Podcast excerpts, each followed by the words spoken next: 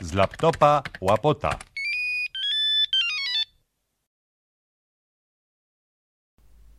Dzień doberek. Wita Jacek Łapot. E, Podcast kulturalny z laptopa Łapota. Zaczynam tak samo jak każdy poprzedni podcast, y, taką wizytówką, E, ale takie refleksje są dziwne. Jednak e, wiosna i lato 2020 jest, są, te, ten, ten czas jest, te, te, te dni są po prostu inne niż wszystkie. To jest coś nieprawdopodobnego. M, Wprawdzie byłem 4 czy 5 dni nad naszym Morzem Bałtyckim, udało się po prostu. Natomiast e, żadnych wyjazdów nie planuję. Z tego co widzę, to bardzo mało ludzi planuje jakiekolwiek wyjazdy. No i tak kulturalnie spędzam te wakacje. Mm, Ten czas, to znaczy dla mnie wakacje zawsze były jako kabareciarza, człowieka, który pracuje w kabarecie Długi, potem w kabarecie Kałamarz, pracowite, bo myśmy wyjeżdżali na występy plenerowe, które były ulubioną formą mm, zwabienia publiczności w gminach, powiatach e, z okazji y, dni jakiejś miejscowości, albo z okazji dożynek, albo z okazji święta plonów, no różne, różne to były historie. Natomiast no, w tym roku nie ma ani pracy, ani za bardzo się nikt nie garnie do wyjazdów. Ja zresztą też, bo to pewnie byłoby pusto, sympatycznie, ale w tych, w tych maseczkach na plaży to jest jakieś. No więc krótko mówiąc, wspomnienia. Wspomnienia, oglądam e, filmy, oglądam stare zdjęcia. E, Zauważyłem dziwną prawidłowość, że w roku mam jakieś takie zamiłowanie do takiej czerwony. Ona kiedyś była czerwona, jak była kupiona, a teraz to ona już jest taka wyblakło-różowa, tak zwany brudny róż, mój ulubiony kolor. Taka koszulka polo, w której fotografowałem się w 2000 chyba 9, potem 11, 12, 14, 16 i w tym roku już jej nie zabrałem na, na wyjazd. Cały czas jeszcze jest. Jeszcze jest raczej, jak to się mówi, do, do prac y, y, fizycznych brudzących łatwo, natomiast no to jak człowiek ogląda te, te zdjęcia takie z Bałtyk albo Chorwacja, jacht w Grecji albo Sopot, e, Molo. Ja cały czas w tej samej koszulce, w różnych latach. To jest no, coś nieprawdopodobnego. Ale, ale do wspomnień y, y, y, zacząłem od wspomnień i te wspomnienia chcę kontynuować, bo do wspomnień zmusił mnie mm, smak takiego mm, bardzo kwaśnego jabłka, papierówki. Już nie ma właściwie papierówek. To była kiedyś sztandarowa chyba e, polska mm, marka, gatunek jabłka. E, Fajne, zielone, dość wcześnie się pojawiające. E, Wiem, że czerwiec, lipiec, natomiast e, w odróżnieniu na przykład od takich renet. Reneta było takie jabłko, które się pojawiało jesienią i one praktycznie przez całą zimę potrafiło przetrzymać w- na przykład w piwnicy, w chłodzie. No i to, zim, to zie- zielone, kwaśne jabłko dzisiaj jadłem i tak sobie przypomniałem, e, ciekawe, skąd się biorą jabłka, nie? Czy wszyscy, zwłaszcza młode pokolenie, sobie zdają sprawę z tego, nie? Kupują w, sklepie, kupują, ale jak to jabłko y, dociera do nich do domu w tej papierowej torebce? Wiadomo, no, do, do sklepu, jak dociera. Ale to już jest przygoda, słuchajcie. Trudno w to uwierzyć, ale kiedyś studentem będąc, studentem Wydziału Radia i Telewizji i Filologii Polskiej jeszcze, już nawet po obronie, uwaga, już byłem magistrem Filologii Polskiej, bo obroniłem bodajże w czerwcu 83 roku, natomiast y, y, pojechałem w październiku tegoż samego roku na mm, Międzynarodowy Obóz Pracy MOP. MOP studencki, uwaga, na Węgry, do miejscowości, uwaga, Szatorajuheli. Szatorajuheli koło Miszkolca, na wschodzie Węgier, niedaleko granicy z Ukrainą. I tam e, okazało się, miejscowość słynna, legendarna, przeszła do m, historii potem jako miejsce m, akcji, y, no, w większości akcji filmu CK Dezerterzy. Otóż to właśnie te koszary Szatora Juheli to były te, gdzie nasi polscy pod wodzą Marka Konrada, Kondrata, polscy, żydowscy, rekruci galicyjskiego wojska, e, chyba Niemiec, był Węgier, Słowak albo Czech, no już nie pamiętam dokładnie e, całego tego zestawu, zmagali się z tym swoim bucowatym dowódcą austriackim. No i właśnie nad tymi koszarami znajdowały się fantastyczne sady w tych sadach dojrzewały fantastyczne jabłka węgierskie. I tam przyjechało 200 studentów z Polski, żeby zarobić pieniądze bo to międzynarodowy obóz pracy, jednak praca, chodzi o to, żeby zarobić coś, wydać te pieniądze potem, e, bo Węgry były zawsze dobrze zaopatrzone, w odróżnieniu w 1983 roku od Polski, która w ogóle nie była zaopatrzona.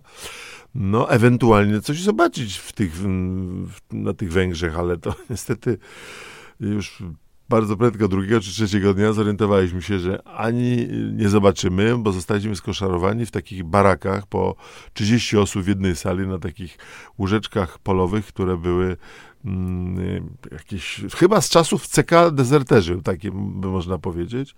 No i wywozili nas codziennie rano o dziewiątej do, dostawaliśmy jakieś tam śniadanie, chleb z margaryną. Wywozili nas do tych sadów ogromnych, no i tam e, to były takie dziwne te drzewa, bo właśnie się tak zastanawiam, że przecież teraz jabłonie to się przycina tak, żeby one nie rosły w górę, tylko żeby one w dół spływały, te jabłka, żeby były w sumie łatwo dostępne. E, natomiast tamte drzewa były wielkie, śmigaliśmy jak małpy po drabinach, po gałęziach tych drzew, zrywaliśmy te jabłka, one zawsze rosły takimi parami, więc pokazali nam technikę zrywania, należało je wziąć delikatnie tak na zewnątrz wykręcić i wtedy e, nie rzucać, broń Boże, tylko do takiej chusty na brzuchu wkładać, od czasu do czasu zejść do, e, na dół na ziemię i ułożyć delikatnie w skrzyni. To wszystko się odbywało cały dzień, byliśmy w sumie wykończeni. Nawet ładna pogoda była, na szczęście nic nie padało, natomiast um, cały dzień taka praca fizyczna, góra, dół, jabłko do skrzyni, po czym przyszło dwóch y, tych, jak to się mówi, mistrzów y, Brygady Pracy Socjalistycznej, Węgrów i oni zaczęli oglądać te jabłka. Mieliśmy te dwie prawie skrzynie, półtorej skrzyni, czyli mieliśmy półtora, no nie wiem, stonę tych jabłek, żeśmy zerwali z tych kilku drzew byliśmy, byliśmy ośmiu, ośmioosobową brygadą i oni wtedy e, coś tam powiedzieli ederem, derem, derem, szajse i poszli Lingiel Madziar. Dwa bratanki, nie byliśmy dwa bratanki Lingiel Madziar, bo się okazało wieczorem na takiej tablicy kartonowej, gdzie było tak zwane współzawodnictwo między brygadami. Okazało się, że nasza brygada Brygada Szczypki, tak się chyba nazwaliśmy, dlatego, że było z nami małżeństwo Halina i Zdzichu Szczypkowie. No i moi przyjaciele jeszcze z bardzo dawnych lat, do, do dzisiaj się od czasu do czasu spotykamy. Zdzichu znakomity gitarzysta, więc to było naprawdę przyjemny ten pobyt. Był tylko dzięki Zdzichowi, bo on wieczorami pięknie grał, śpiewał. Wszyscy śpiewaliśmy i było bardzo fajnie. Natomiast się okazało, że e, jabłka trzeba zrywać tak jakby się podbierało jaja kurom. To znaczy delikatnie, ponieważ zostawienie e, odciśniętego palca, takiego wgniotka, mikrowgniotka w jabłku, wyłapanego przez e, sprawny wzrok węgra, powoduje, że jeżeli były cztery takie jabłka w takiej skrzyni, gdzie było tych jabłek e, pół tony i było, powiedzmy, że było ich 900 albo 1000, a cztery jabłka były z takim wgniotkiem, to skrzynia była opłacana połowę y, wartości, czyli nie na przykład 1000 y, forintów, tylko dostawaliśmy 500 forintów za nią na 8 osób oraz punkty. No i te punkty y, były dowodem naszego takiego wstydu oraz oburzenia, bo zobaczyliśmy na tablicy współzawodnictwa, że jesteśmy na ostatnim miejscu. Brygada Szczypki na ostatnim miejscu dwa punkty, a pierwsza brygada, e, jakieś tam dziewczyny z e, chyba Akademii Medycznej mają tych punktów e, 20. To znaczy, co one tyle jabłek zebrały? Nie, one zebrały mniej więcej tyle samo, co my, może trochę więcej, natomiast nie miały żadnych odgniotków i wgniotków te jabłka. No więc trzeciego dnia, kiedy zaczęliśmy się już em, kłócić i spierać z Węgrem, Węgier przychodził, oczywiście nie mówił w żadnym ludzkim języku. Oni nawet nie liczą, tak jak wszędzie w Europie można jakoś tam policzyć po rosyjsku, po angielsku, mniej więcej wszystko wiesz. Natomiast po węgiersku ni cholery. No więc y, wybuchła kłótnia z tym majstrem, który chodził i odbierał te, te, te, te skrzynki, bo on pokazywał te jabłka, te odniutki i znowu się okazało, że cała robota właściwie na nic. No więc trzeciego dnia stwierdziliśmy, że już na pewno nic nie zarobimy, a oglądanie tego baraku przez kolejne mm, bo to chyba trzy albo cztery tygodnie trwał ten obóz. Cały październik mieliśmy zbierać te, te jabłka na tych Węgrzech. Już nie pamiętam dokładnie ile, ale w każdym razie na pewno, na pewno ponad trzy tygodnie. No i gdzieś tak szóstego czy siódmego dnia stwierdziliśmy, że my stąd wyjeżdżamy, bo to po prostu do, do niczego nas nie doprowadzi. Mamy trochę takiego towaru, jak to się kiedyś jeździło po demoludach, mm, co, co można sprzedać w, w Czechach, co można sprzedać ludziom na Węgrzech, na targowiskach, a potem e, pod tym dworcem Keleti w Budapeszcie, no ale myśmy przez Miszkolc tam podróżowali, więc e, w Miszkolcu coś sprzedamy i kupimy sobie coś na tych Węgrzech, bo Węgry, jeszcze raz powtórzę, były zaopatrzone, a w odróżnieniu od Polski. No i krótko mówiąc, bardzo zabawna się historia okazała, ponieważ cała nasza brygada poszła do szefa z Almaturu, który co wieczór e, pił wódkę z panami z Komitetu Wojewódzkiego i ze Służby Bezpieczeństwa, bo ich takich chyba trzech lub czterech pojechało z tym młodzieżowym obozem pracy. I oni w ogóle nie wychodzili ze swojego pokoju, nie mieli tych prycz strasznych, ale nie musieli chodzić zbierać jabłek. Oni tylko kontrolowali, żeby nie było żadnych e, ekscesów międzynarodowych. Polska była na cenzurowanym wtedy w krajach demokracji ludowej, tak zwanych, bo to był 83 rok, wiecie, po mm, Solidarności, po stanie wojennym, no i nigdy nie wiadomo było, co tym studentom z Polski może do łba przyleść. No więc oni tam siedzieli, pili, no i on wyszedł na korytarz do nas, ten, on się nazywał Micaut z Almaturu, ten taki organizator. Mówi, Jacek, no ale jak to wy chcecie wy wyjeżdżać? No, no to musicie kupić bilety powrotne. Ja mówię, jak ty, co ty sobie jaja robisz? Ty masz bilety powrotne, bo kupowałeś dla całej grupy tych stu osób. Pociągiem jechaliśmy z, z Krakowa do Miszkolca, a stamtąd autobusami nas zabrali. Co ty mi tu wciskasz? On mówi, no, no tak, ale ja mam grupowe bilety. O, najmniejszą grupę, jaką mam, to masz 10 osób, a was jest 8. No nie mogę wam dać, bo dwie osoby będą jechały potem z powrotem na gapę. Za 15 minut przyszła nas już dziesiątka. Zwyrobowaliśmy następną parę, która postanowiła opuścić ten padł rozpaczy. No i następnego dnia z biletem wyposażeni, czyli po mm, tygodniu mniej więcej pobytu e, w Châteauroux jechali. Zebraliśmy się, wróciliśmy. Od tego czasu pozostał mi wstręt do jabłek a właściwie do Węgrów, e, czyli do jabłek i śliwek węgierek też troszeczkę poniekąd. natomiast, natomiast no, wiem skąd się biorą jabłka i powiem szczerze, jak trafią na takie fajne, tanie, bo są bardzo tanie, polskie jabłka, wcale nie ubolewam, że Putin po e, aneksji Krymu, kiedy Europa nałożyła sankcje, to postanowił, uwaga, założyć embargo na polskie jabłka i nie kupować polskich jabłek i myśmy wtedy te polskie jabłka musieli sami wcinać, bo one miały iść tam, 100 tysięcy ton miało iść do Rosji. Bardzo dobrze. Teraz polskie jabłka znowu pokochałem, polubiłem. Trauma z Węgier mi minęła, a jak oglądałem e, CK Dezerterów, to mi się naprawdę gęba śmiała, bo po prostu te miejsca, te koszary, to wszystko, to ja to wszystko oglądałem, bo myśmy tam tuż obok mieszkali.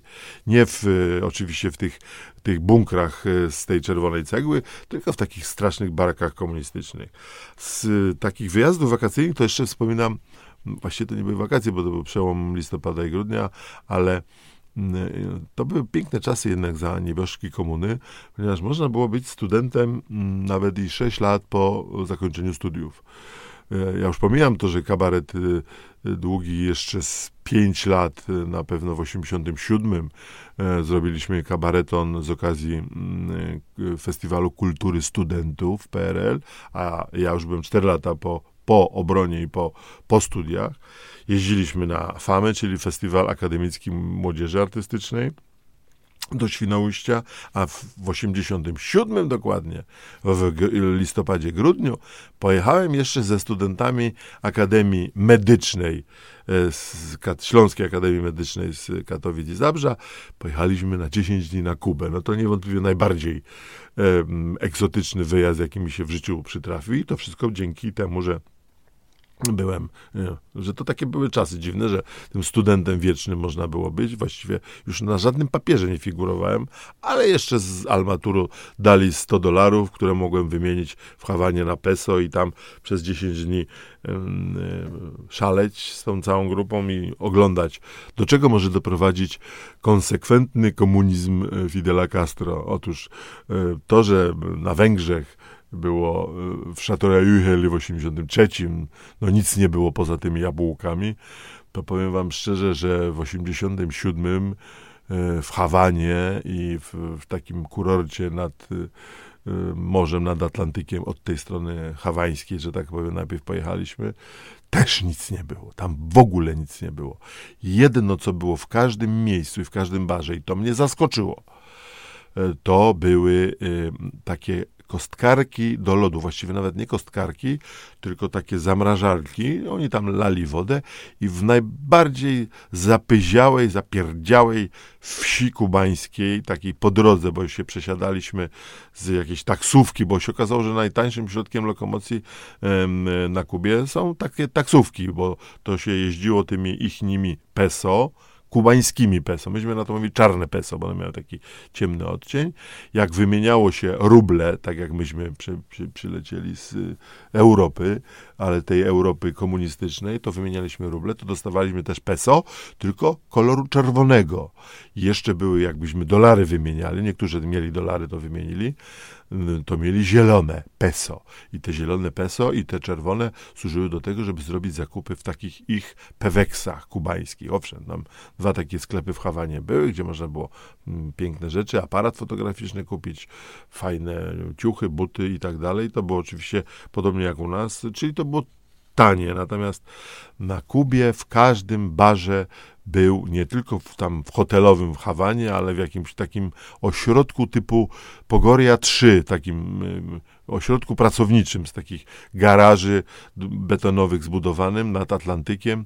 Był w barze, e, były e, szklaneczki, był rum, nie było nic innego, ale był lód. Zawsze tam E, do, do, do tego soku jakiegoś takiego owocowego. Oni chyba sprowadzali te soki z Polski, niewykluczone, bo sam, sami nie mieli żadnych owoców.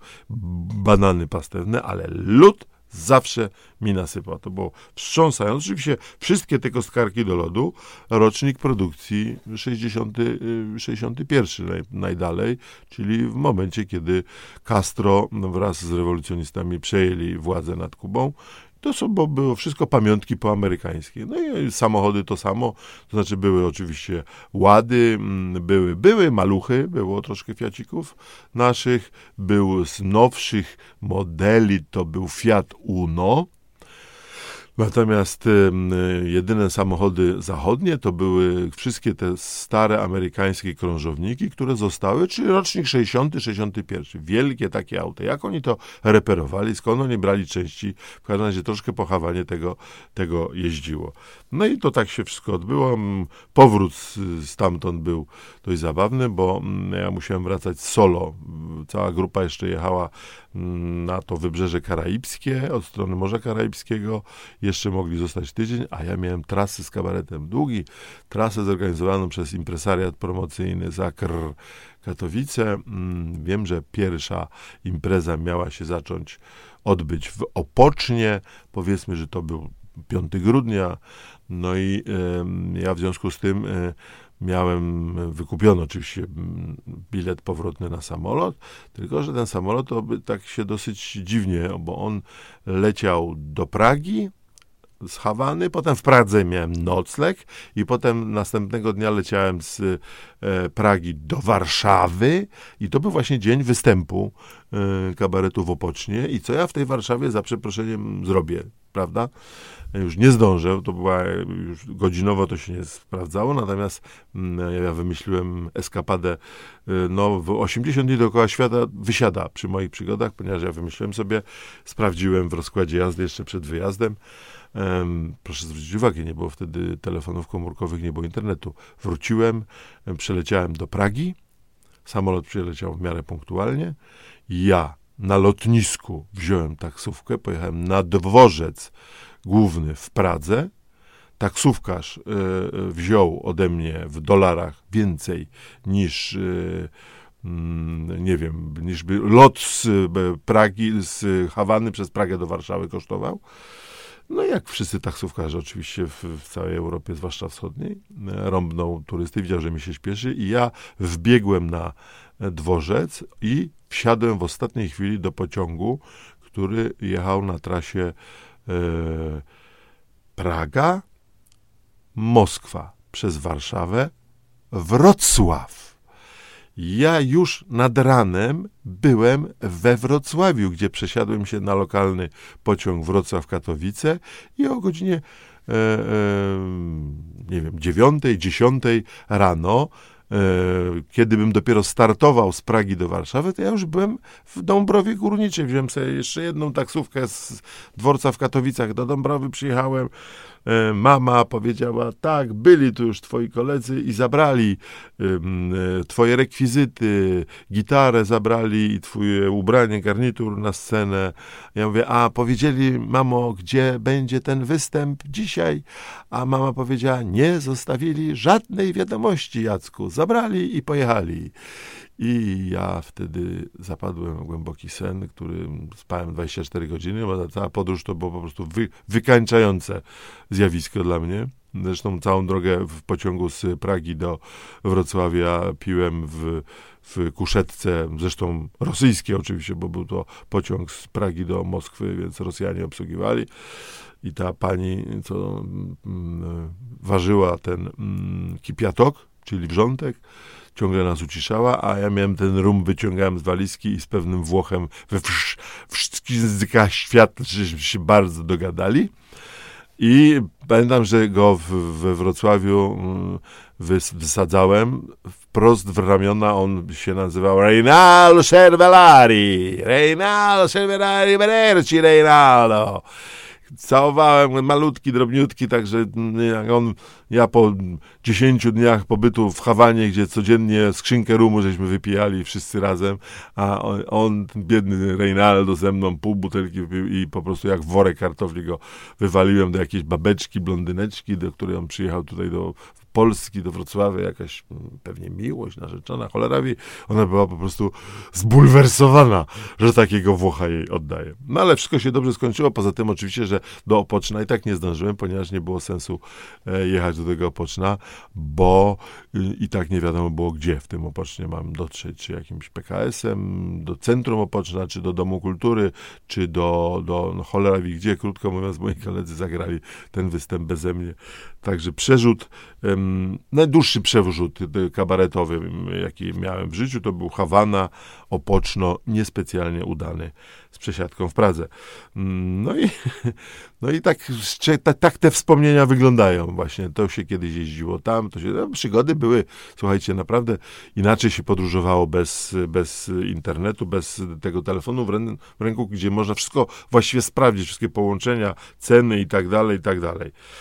No ale z takich czasów y, nerwowych, z tamtych właśnie lat 80., to wspominam jeszcze jeden wyjazd. Mm, wspominam go dlatego, że się nie odbył. To był bardzo dramatyczny wyjazd, bo był to wyjazd, y, wyjazdy letnie, to też był zimowy, bo to był grudniowy wyjazd na prom. Prom bodajże Pomerania, prom, który startował ze Świnoujścia, przez y, y, Lubekę do Hamburga, czyli do Travemünde on y, płynął. Specyfika tych promów była taka, że mniej więcej 400 pasażerów wchodziło na pokład. Były to wycieczki zorganizowane, wycieczki, eksport Polaków na roboty do Niemiec. W tamtą stronę płynęło 400 osób, z powrotem 40. Ja w innym miejscu tych moich wspomnień, które się nazywają analogowy alfabet kabaretowy, też opowiadam o tym, bo oczywiście e, tymi regularnie wyjeżdżającymi artystami na takie promy, tak jak my na przykład byliśmy co najmniej cztery razy, e, od, od razu zainteresowały się służby, a co my tam robimy, a co my możemy, jak, w jaki sposób my możemy pomóc służbom wyłowić tych ludzi, którzy nie zamierzają wrócić do Polski z tego Hamburga. Bardzo prosta sprawa była, prawda? Przyjeżdżała z Rzeszowa rodzina czteroosobowa, dwoje dorosłych, dwoje dzieci. Mieli sześć takich wielkich walizek. Nie widziałem w życiu takich walizek. psa, palmę i telewizor, prawda? No i oni jadą na mm, wycieczkę do Hamburga, prawda? No, bardzo to trudne jest do zorientowania się, że oni już sprzedali y, y, mieszkanie, sprzedali działkę, napożyczyli pieniędzy od znajomych i z banku i wsiedli w ten prom i oni płyną i oni już na pewno nie wrócą. To nie ma w ogóle takiej możliwości. Nikt o tym nie, jest w stanie się zorientować, tylko musi artysta pomagać. W każdym razie jeden z takich wyjazdów się mm, nie odbył i dopiero wtedy ja zobaczyłem dramat tych ludzi, bo to był dramat prawdziwy. Przyjechało na, pod terminal w Świnoujściu 15-20 autokarów z całej Polski. Myśmy ruszyli z Estradą Poznańską z Poznania. Też oczywiście jechała z nami grupa mm, turystów, natomiast tamci na pewno, to ta rodzina to jest autentyczna. Oni jechali z Rzeszowa, więc oni w ogóle już mieli nocleg po drodze, bo oni dzień wcześniej w ogóle wyjechali. I oni dokładnie mieli sprzedane mieszkanie, nie mieli nic. To był grudzień, tuż 13 grudnia chyba 84 roku i ten prom stał. Najpierw nie, nie, nie dało się wysiąść z autobusu, bo śnieg sypał, syf, błoto. Terminal był w ogóle wielkości e, takiego baraku. E, to nie był ten terminal, który potem zbudowano, pasażerski. Mm, no i tam w tym baraku my, my czekali ludzie, którzy wysiadali z promu. Myśmy już się zaczęli niecierpliwić. O godzinie 16 zaczęło się robić ciemno, bo to 13 grudnia. No i zaczęły krążyć plotki, że mm, ten prom nie wypłynie, bo, yy, bo w Gdańsku się znowu ruszyło. Wiecie, a za komuny było tak, że jak w Gdańsku Gdańsk stanął albo Gdańsk się ruszył, to coś to było, oznaczało, to było słowo klucz, że coś się dzieje i że będą zamykać granice, nie wypuszczać nikogo. No oczywiście to się nie dało już zrobić tak, prom był pusty, wszyscy mm, poprzedni pasażerowie wysiedli, znaczy wszystkich 40 załoga też. Natomiast no, coś trzeba było zrobić z tymi kilkuset, 350 czy 400 prawie ludźmi, którzy przyjechali tymi autokarami z całej Polski. Oni byli zmęczeni, głodni, e, e, e, brudni, niewysikani. No po prostu, no więc wszyscy zostali, hasło było takie, państwo zostają zakwaterowani na prom państwo mm, nie wypłyną dzisiaj do Hamburga, bo prom jest zepsuty, uwaga, taki był powód, ale będą mogli Państwo dokonać zakupu w sklepach bezcłowych, bo jednym z oczywiście celów takich wyjazdów było to, że była Baltona na promach, a w Hamburgu też były oczywiście sklepy bezcłowe i wielu ludzi po prostu jeździło i zaopatrywało się. Akurat zamierzałem przywieźć Y, tam 20 kilo pomarańcz na święta i byłem bohaterem w Dąbrowie Górniczej, jak przyjechałem w 84 roku z taką ilością pomarańcz, a ludzie kupowali po pół kilo w delikatesach i stali jeszcze dwie godziny po to. W każdym razie e, że tak powiem, smaczku całej tej przygodzie, która tak wyglądała, jak wyglądała. To znaczy, myśmy żadnego dramatu specjalnie nie przeżyli, aczkolwiek byliśmy mocno zestresowani, bo w, na ten rejs Estrada Poznańska robiła łapankę. Już nikt nie mógł, nie chciał, różne historie się działy. Ja uciekałem przed wojskiem, ale ja miałem e, paszport u dyrektora estrady i on, on mnie po prostu wysyłał, jak potrzebował. Natomiast mój kolega Piotr, Piotrek e, Skucha z kabaretu Długi nie mógł wtedy pojechać. Z kolei z kabaretu pod spodem, z którym występowaliśmy wtedy e, do, do, do lata jeszcze intensywnie w programie razem z Bogdanem Smoleniem, Jacek Baszkiewicz nie mógł wystąpić, bo coś tam, coś tam paszportu mu nie dało WKU czy coś. No więc, krótko mówiąc, wpadli na bardzo prosty pomysł. To pojedzie z kabaretu Długi Łapot, a z kabaretu pod spodem Czerski jakoś tam program zrobicie. Mirka Kowalak zaśpiewa piosenki i będą zadowoleni. No i my tak z tym Andrzejem spotkaliśmy się w Poznaniu dzień wcześniej, dwa dni wcześniej, jakąś tam próbę. Ja się uczyłem jakichś jego tekstów, on chyba ściemniał raczej, że się uczy moich tekstów, no żeby tam te, te pół godziny pogadać w trzech wejściach na przykład tam po, po, po 10 minut. A niemniej jednak byliśmy tacy no, sfrustrowani, bo to żaden komfort jest mówić cudze teksty i to jeszcze do ludzi na statku, który buja i wszyscy są zestresowani, czy uda się uciec z tym Hamburgu, czy nie. To takie marne były te występy i publiczność marna. No i, no i nagle się okazało, że nie ma żadnego wypłynięcia, prom, y, y, dostaliśmy kajuty, wszyscy polecieliśmy natychmiast po te zakupy, bo to trzeba było kupić te pomarańcze, oczywiście alkohol w Baltonie, bo to były te ceny wtedy y, peweksowskie, czyli dolara kosztowało y, pół litra wódki wyborowej.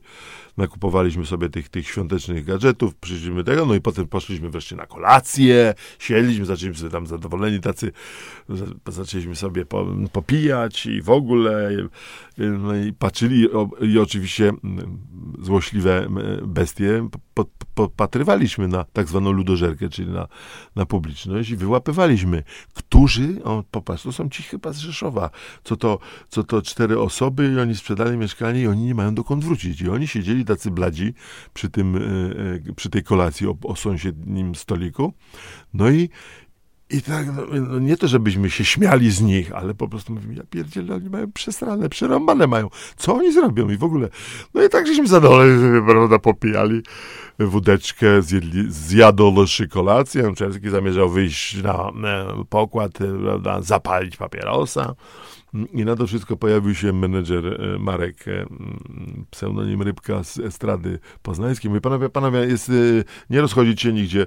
Bardzo złe nastroje są. I tutaj nasz organizator i płatnik, czyli firma Paul Ferris, mówi, że wśród pasażerów są złe nastroje, ponieważ wyjazd nie doszedł do skutku i w ogóle i wszyscy są przerąb... i żeby cała nadzieja w kabarecie. Wy macie teraz wystąpić i a tu już północ była chyba. I rozbawić, a, i rozluźnić tą atmosferę, żeby wszyscy się poczuli zadowoleni. I tak spojrzeliśmy z przerażeniem po sobie, bo po prostu to, to w ogóle nie wchodził w rachubę. Ale żeby udowodnić, że to nie wchodzi w rachubę, Andrzej wziął wtedy tak szybciutko, jeszcze mieliśmy na stoliku, no powiedzmy, że ćwiartka wódki została, tak żeśmy delikatnie punktowali i on przy tej kolacji i on, ta ćwiartka wódki tak została, on wziął tę ćwiartkę, naprawdę sądzisz, że my wystąpimy? I wziął tę ćwiartkę tak, wypił z tej butelki tak na eks, jak to się mówi przy, przy tym stoliku, tak posiedział, o, oczy mu się takie maślano-szklane zrobiły za chwilę i upadł z krzesła. Ja go zaciągnąłem do kajuty i tyle było po naszym występie, mm, który też się nie odbył. Nie było oczywiście z tego tytułu żadnych reperkusji, no bo wyjazd do Hamburga się nie odbył. W ogóle się nic nie odbyło, a na, co najważniejsze w tym wszystkim było to, puenta była taka, że e, się mm, e, w Gdańsku e, nic nie ruszyło. Najprawdopodobniej chyba rzeczywiście albo miała być zła pogoda i sztorm, albo też po prostu prom był uszkodzony, musiał ulec na, na, naprawie czy coś i, i, i tyle. No i tak było, występ się nie, nie odbył i ku chwale ojczyzny, kabaretu pod spodem i kabaretu długi.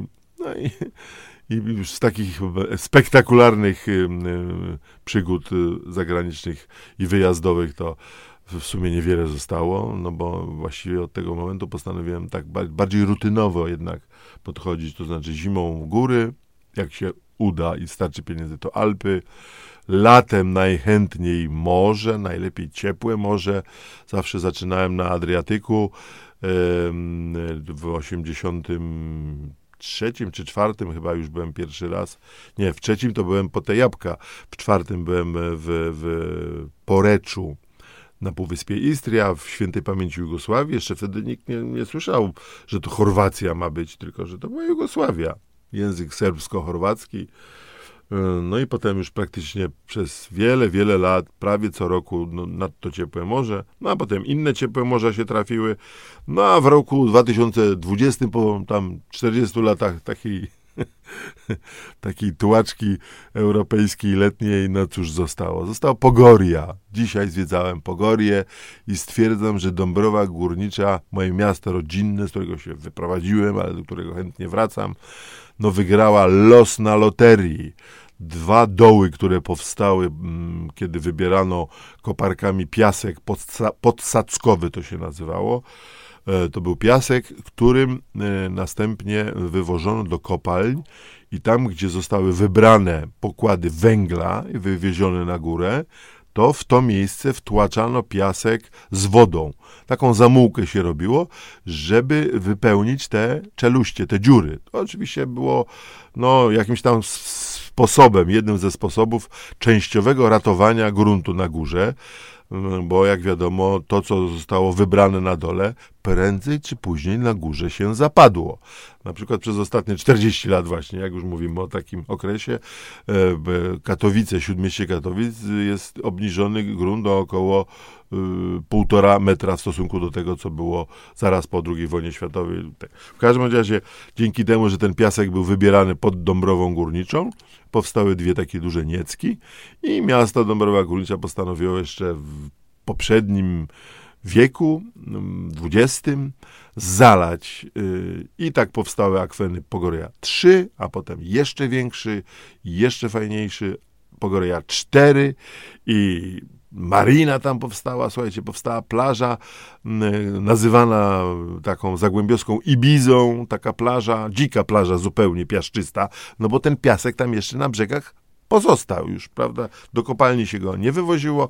E, z jednej strony zbudowano wał po to, żeby woda nie uciekła, no i Napełniano go jeszcze, tak jak mówię, w zeszłym wieku i teraz jak pojechałem tam dzisiaj, zwiedzałem sobie piękna ścieżka rowerowa dookoła trzeciej pogory, tunelik, żeby nie, nie kolarze i rolkarze, żeby nie mieli dyskomfortu, przez żadne tory nie musieli przejeżdżać tunel pod torami, jest się na czwórce i jeździ się dookoła czwórki, a tam po drugiej stronie widać w tym piasku po prostu, po prostu Ibiza. Słuchajcie, z 500 przyczep kempingowych e, ludzie zwożą. Był taki moment, że pojawiło się tam jedno takie duże osiedle z 30 przyczep i w tym roku się okazuje, że jest pięć takich osiedli już jest tych przyczep 10 razy więcej. To coś nieprawdopodobnego. Już tam nawet nie jechałem z, z, tamtej strony, musiałem wracać z powrotem, ale, ale w każdym razie no, jest to miejsce do rekreacji i to może zastąpić i balaton węgierski, i, i, i koszary, szatore, i Adriatyk, i wiele, wiele, wiele innych ciekawych miejsc. Jest woda, jest piasek, jest przygoda jest. A piosenka, którą chcę zakończyć dzisiejszy mm, podcast, jest, to jest właśnie historia z Jugosławii. Ona powstała w tym 84-5 roku na tych pierwszych wyjazdach, które odbywały się z Almaturem autokarem. I pamiętam, e, no, refren tej piosenki to jest dokładnie zapożyczony z jakiejś węgierskiej, takiej, e, nie węgierskiej, tylko no, jugosłowiańskiej, to pewnie serbskiej albo chorwackiej piosenkarki. E, ona była jakaś Jolanda, czy jakaś tam, e, czy Marica, już nie pamiętam dokładnie. W każdym razie nasza pilotka miała kasetę z jej piosenkami. I tam była jedna z piosenek, która miała taki refren Szume, szume, jawory o szumiącym drzewie jaworowym. I myśmy, a jechało się 24 godziny wtedy do Chorwacji tym e, autokarem z noclegiem pod Budapesztem. E, wysłuchali tej piosenki 324 razy. No i kiedy przyjechaliśmy, no to zostaliśmy rozlokowani na kwaterach, a następnie przyszliśmy do takiej mini stołóweczki, gdzie e, Chorwaci nas mieli karmić. I Chorwaci postanowili puszczać nam e, muzykę swoją tutaj taką własną, ludową, disco polo jugosłowiańskie i na pierwszy plan poszła Jolanda, czy też Marica, sume, sume, jawory. No i przez te 10 czy, czy, czy 14 dni, już nie pamiętam ile trwał ten, ten turnus, chyba 10, bo dwa dni jazdy w tamtą stronę, dwa dni w tą, także to było takie, takie rytmy 14-dniowe, ale z dojazdem. E, znowu wysłuchałem i ja ją zapamiętałem na całe życie tę piosenkę. Ten refren i kiedy e, wróciłem we wrześniu, to chyba był już mniej więcej 15 września z tej rzecz Jugosławii, to tak sobie siadłem i opisałem sobie w, w, w rymowanej formie te przygody, ten pęd tego Polaka, w tym mnie również, żeby, żeby pojechać gdzieś na południe, do, żeby było ciepło, gorąco, żeby było i żeby był taka zasada generalna była te, ten upał, ta skóra spalona, e, ta drożyzna, ta, ta i ten szumiący szumę, szumę i i że generalnie te urlopy wszystkie na południu to wyglądają tak, że, że, że kurde ducha wyzione, a wypocznę.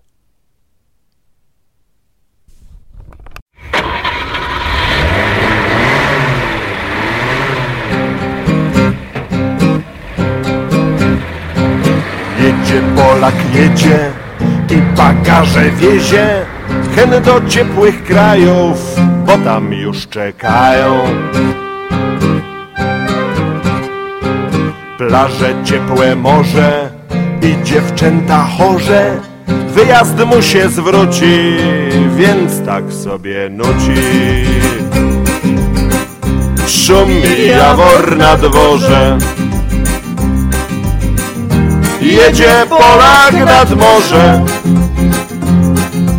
Nad Śródziemne, nad Adriatyk Tam wygrzeje sobie gnaty.